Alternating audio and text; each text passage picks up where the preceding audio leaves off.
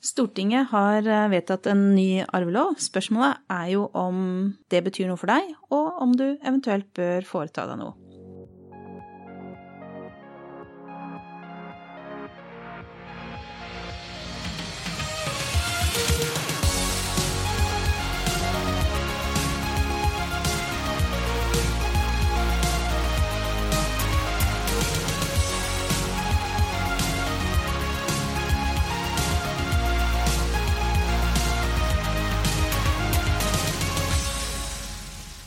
Velkommen til Tendencast, en podkast hvor vi snakker om eh, ulike temaer av betydning eh, for mange av oss innen familie og arverett.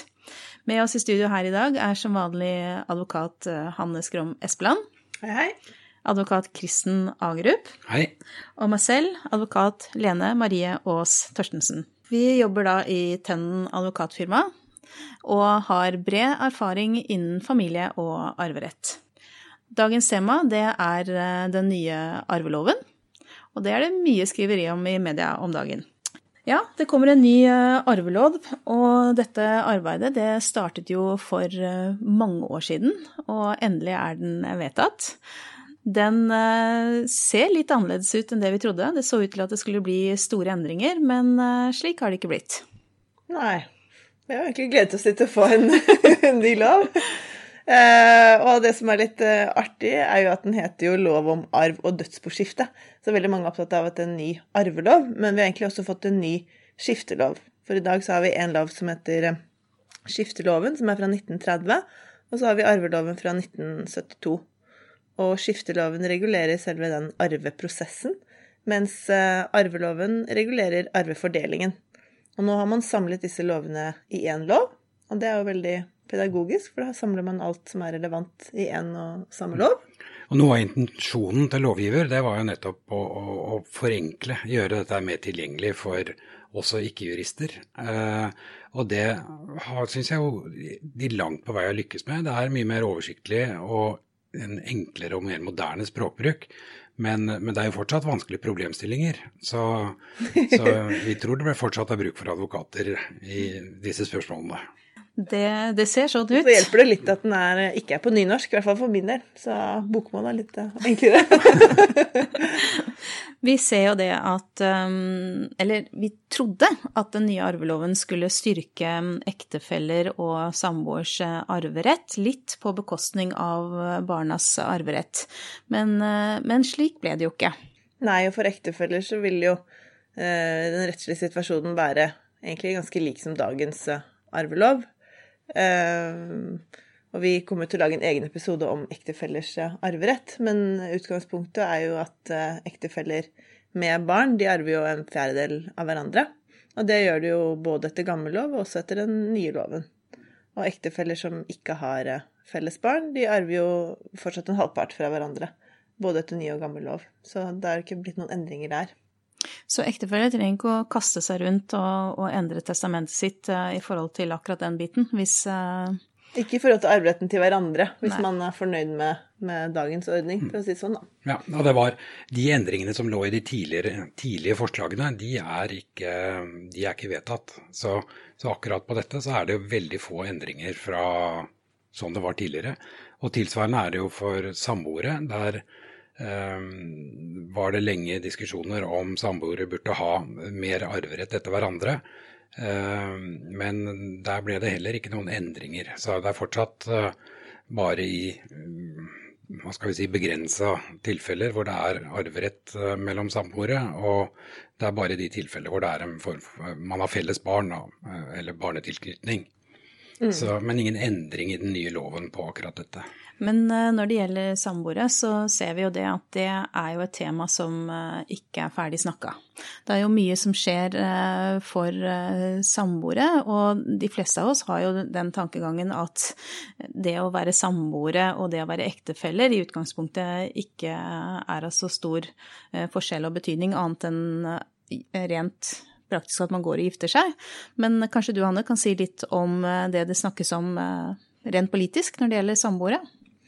Det fremgår i hvert fall den, den, innstillingen til Stortinget at det har vært foreslått å lage en eh, form for samboerkontrakt som skal være mer eh, som skal godkjennes av det offentlige, og som skal være mer standardisert. da. Eh, og at den samboerkontrakten skal gi arverettigheter. Um, og det er jo i utgangspunktet litt skeptisk til, for det er jo egentlig testamenter da, som regulerer arvefordelingen, mens samboerkontrakter sånn vanligvis, uh, sånn som vi bruker det, så regulerer det bare formuesforholdet mellom to samboere. Uh, så her er det egentlig snakk om å innføre en sånn tredje ordning, da, som verken er uh, avtale eller testament. Ja, for det mange ikke er kjent med, er jo det at når man skriver en samboeravtale, så er det jo helt andre krav til hvordan denne avtalen skal se ut enn ved et testament. Sånn helt kort kan man jo si at f.eks. skriver man et testament, så må det være to vitner som undertegner eh, på dette testamentet, men det er ikke det kravet i samboeravtale. Så noen tror jo det at de skriver en samboeravtale som inneholder eh, noe om fordelingen den dagen de dør, at det er gyldig, men, eh, men det er det altså ikke hvis ikke man har hatt vitne f.eks. til å undertegne. Og så er det også noen andre formkrav. Men vi skal ikke gå nærmere inn på det, fordi vi har jo laget to podkaster eh, som går på det med samboere, hvem som eier hva, og hvem som arver hva, så da viser vi egentlig til det når det gjelder en nærmere gjennomgang av dette. Ja, vi vil sikkert se hva de lander på i forhold til å styrke samboernes rettsstilling, da. Som intensjonen er jo god, så får vi se hva de lander på, egentlig. Ja, og poenget er sånn, sånn det er i dag, ikke sant. Man regulerer Eh, det man eier mellom seg i en samboeravtale, og det som skal skje etter man er død, er et testament. Eh, og det er det ingen endring i det nye eh, lovforslaget, eller det vedtatte lovforslaget. Nei, ingen endringer. Og helt likt er det også da i forhold til det med ektefeller. Det er heller ikke noen særlige endringer der. Så da er det jo sånn når det gjelder ektefeller, hvem som eier hva, skal jo ned da i en ektepakt og et testament hvis man ønsker å ha en annen fordeling enn det som fremgår av loven mellom ektefeller. Men da har vi jo egentlig konkludert med at det skjer ikke store endringer når det gjelder ektefeller og eh, samboere i forhold til den nye arveloven. Men når det gjelder pliktdels, eller barna, så er, stiller det seg vel litt annerledes. Ja, fordi utgangspunktet så er det sånn at de som eh, etterlater seg barn, og som ikke er gift, så arver barna egentlig alt. Eh, og for de som er eh, gift, så arver barna tre fjerdedeler. Men så er det sånn at noen ønsker jo å tilgodese andre enn barna, samboere eller ektefeller. Og da finnes det begrensninger i hvor mye man kan begrense barnas arv, for de har en minstearv som de har krav på, som vi kaller for pliktdelsarv, som sikkert mange er kjent med. Og det er det det egentlig har vært mest skriverier om også, i forhold til den nye arveloven, nemlig pliktdelsarvens størrelse. Og det er for veldig mange mennesker så er det aktuelt å begrense pliktdelsarven. Ja. Av forskjellige grunner. Ja, absolutt. Og det eh, som vi ofte ser, er jo det at man ønsker jo, eller ektefeller ønsker å sikre hverandre. I hvert fall i den grad at lengstlevende kan sitte igjen med fellesboligen, f.eks. Mm. Eh, og i mange tilfeller så ser vi jo det at eh, barnas krav på arv kan komme i strid med det ønsket. Ja. Så størrelsen på pliktreserven er av kjempebetydning for veldig mange. Og det opprinnelige forslaget nå var jo å øke da pliktreserven, som i dag er to tredjedeler av det man etterlater seg, men aldri mer enn én million per barn. Eh, den énmillionsgrensen, som er den øvre grensen for pliktreserven, den er, jo, den er jo økt nå til 15 G. Ja, og G det er altså folketrygdens grunnbeløp, da, og som per i dag utgjør i underkant av 100 000. Så øh, denne grensen er i, i, den nye loven utvidet til ca. halvannen million mot én million tidligere per ja. i dag, da. Per i dag. Per, i dag. per, per barn. Ja, og det, det, så ut til å bli 25 ganger grunnbeløpet som skulle være barnas øvre pliktdelsarv, da. Som ville være 2,5 millioner. Ja. Og så er det fint at de har knyttet det opp mot eh, et beløp som årlig indeksreguleres. Grunnbeløpet i folketrygden gjør jo det. Så, så, vil dette følge prisutviklingen fremover. Ja, det er kjempe, kjempeviktig. Og sånn som Lene var inne på, i forhold til å sikre ektefelle eller samboer. Så når den øvre grensen var 2,5 million kontra 1,5 million i dag per barn, da, så ville det være en ganske stor betydning for handlefriheten for ektefeller og samboere som kanskje ønsker å sikre hverandre med med mer enn den arveretten de har etter loven. Da. Men her ser vi jo det at um, lovgiver har jo uh, lagt seg på et uh, noe høyere beløp og nivå når det gjelder barnas rett til uh, minstearv, uh, fremfor det vi egentlig så for oss som utgangspunktet, hvor vi trodde da at ektefellen skulle, ektefellens arverett skulle sikres. Mm. Ja. Og Sånn sett ble eh, forslaget litt annerledes enn vi trodde i starten. For eh, når man snakket om det tidligere, så var det eh, veldig med tanke på å styrke samboerne og ektefellenes rettsstilling på bekostning av barnas. Litt ut fra at man lever lenger, og, og, og kanskje behovet for å sikre ektefellen eller samboeren er større mm. enn det var tidligere. Men det er jo ikke bare det med, med selve pliktdelen eh, som er en endring når det gjelder eh, barna. Det har jo også kommet en lovendring når det gjelder båndlegging av arv. Ja, og det er jo sånn at eh, mange har jo ønsker for når, når, barna skal motta arven sin, i forhold til når man er mest moden til å håndtere større verdier. Det er jo eh, veldig få som ønsker at barna skal få veldig mye penger mellom hendene for tidlig. Det har man mange eksempler på at det ikke er uh, veldig, en veldig god løsning. Det du prøver å si er at alle 18-åringer er ikke like modne, eller er det For eksempel. Eller 19-åringer. Eller 19-åringer. ja. Noen er det, da. Ja, Det skjer jo noe når man blir, nærmer seg 25, kanskje. Så det er kanskje derfor har jo lovgiverne åpnet opp for at man kan båndlegge arven. Altså man kan, eh, man kan, sette den på en sperret konto, f.eks., og bestemme at barna ikke får tilgang til pengene før de er 25 år. Og det gjelder da hele, hele arven til barna, ikke bare pliktdelsarven som, eh, som eh, Altså etter dagens lov så kan man, kan man ikke begrense pliktdelsarven, den har man krav på med en gang. Så kunne man bare legge begrensninger for det som oversteg pliktdelsarven. Mens i dag så er det åpnet opp for å også åpne opp for å legge begrensninger på pliktdelsarven også, da. Så da sikrer man jo hele, hele, arven til barna. Ja, for det du sier nå, Hanne, det er jo det at den ene millionen eh, som er pliktdelsarven per i dag, den har man krav på å få utbetalt med en gang. Mm. Så den kan man ikke legge noen føringer for, verken på den ene eller den annen måte. Mens nå, når den nye loven da trer i kraft etter hvert, så vil man kunne si at eh, all arv etter meg at det ikke skal kunne utbetales før man er 25 år, da.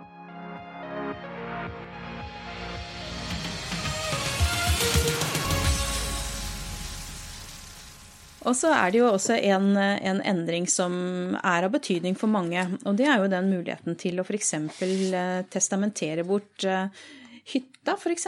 Familiehytta, til én en enkelt arving. Tidligere så har det, eh, eller fortsatt etter dagens lov, så er det ikke greit å, å testamentere bort eiendeler på den måten.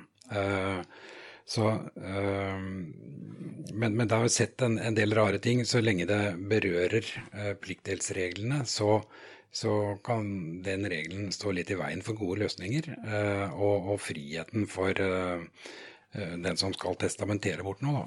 ofte er det jo sånn at hvis man f.eks. har en verdifull hytte som man ønsker at en av barna skal overta, så er det, er det greit nå etter den nye loven. Eh, og hvis eh, verdien da Eller hvis den arvingen får mer enn man eh, vil ha krav på etter fordelingen i arveoppgjøret ellers, så, så blir det bare en økonomisk utjevning. Men den arvingen kan sitte med hytta, da. Men å betale inn da differansen av det mm. hytta er verdt, og det han har krav på, da, inn ja. til boet. Ja, så løse ut søsknene, egentlig, da. Ja. Mm. Mm, da tenker vi mer sånn normalbo, ikke sant, på de begrensningene du snakker om nå. For hvis man har da et veldig stort eh, dødsbo da, med mange millioner mm. som skal fordeles, mm. så ville man jo etter dagens system kunne testamentere en hytte f.eks. til ett barn. da. Det ja. kommer litt an på hvor mye man etterlater seg totalt sett. Men for de fleste så har jo det ført til at som Kristin sier, at man ikke kan testamentere hytta til ett enkelt barn. da. Så hvis man da jeg tenker det, Her er det når den nye regelen eh, begynner å gjelde, så er det mange dypdykk som må gjøres, og mye man må se nærmere på. Men da tenker jeg at vi helt kort kan uh, si at når det gjelder uh, ektefeller og samboere, da, så blir det ikke de store endringene, men at vi får flere endringer når det gjelder barnas rett til arv. Og også det med båndlegging av arv og muligheten til å testamentere bort eiendommer, f.eks. Så tenker jeg at det kan jo være greit å si litt om når, når trer denne loven i kraft? ja, vi har jo ikke noe, noe, klart svar på det, annet enn vi har fått signaler om tidligst da 2020, kanskje mer realistisk rundt 2021. Men så er det jo sånn at loven trer i kraft. Vi får et ikrafttredelsestidspunkt. Men det er jo gjerne slik at man har litt behov for noen overgangsregler etter at eh, loven har begynt å gjelde.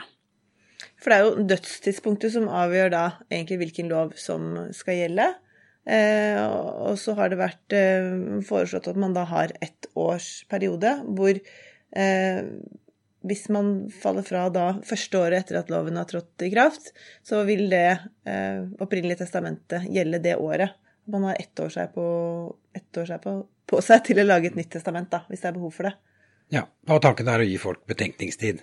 Eh, for det er jo vanskelige spørsmål dette handler om, og ofte blir det ikke gode løsninger uten at man har en prosess på det. Så dette bør ikke gjøres i hui og hast, egentlig. Men hva tenker du da, Kristen, eh, når den nye loven kommer nå?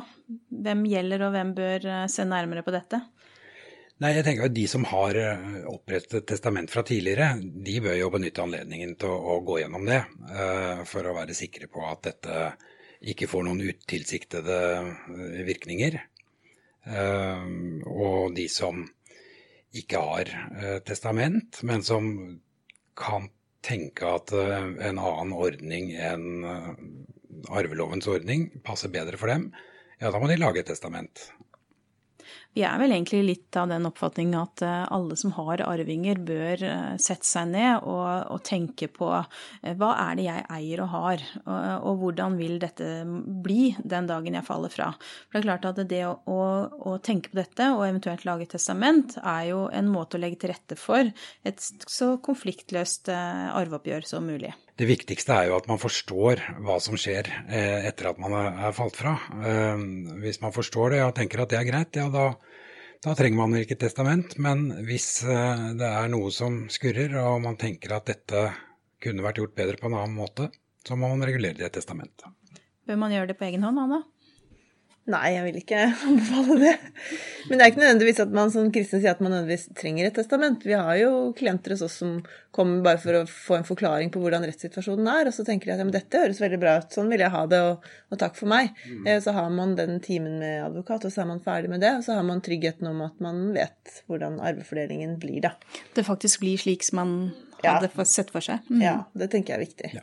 Og det er alle, alle, familier har forskjellige mm, hensyn å ta og ser forskjellig ut, og, så det er veldig vanskelig å si noe generelt om det. Men mm, hvis vi kan kalle det moderne familiekonstellasjoner da, med ektefeller eller samboere som har særkullsbarn, de bør jo absolutt vurdere å opprette et testament. Og, og kanskje også i uh, sammen med en samboeravtale eller uh, en ektepakt, for å få noenlunde forutsigbare forhold etter at man er borte. Det syns jeg er en veldig god avslutning, Kristen. Så da tenker jeg at vi kan takke for oss. Takk. Takk, Takk for i dag.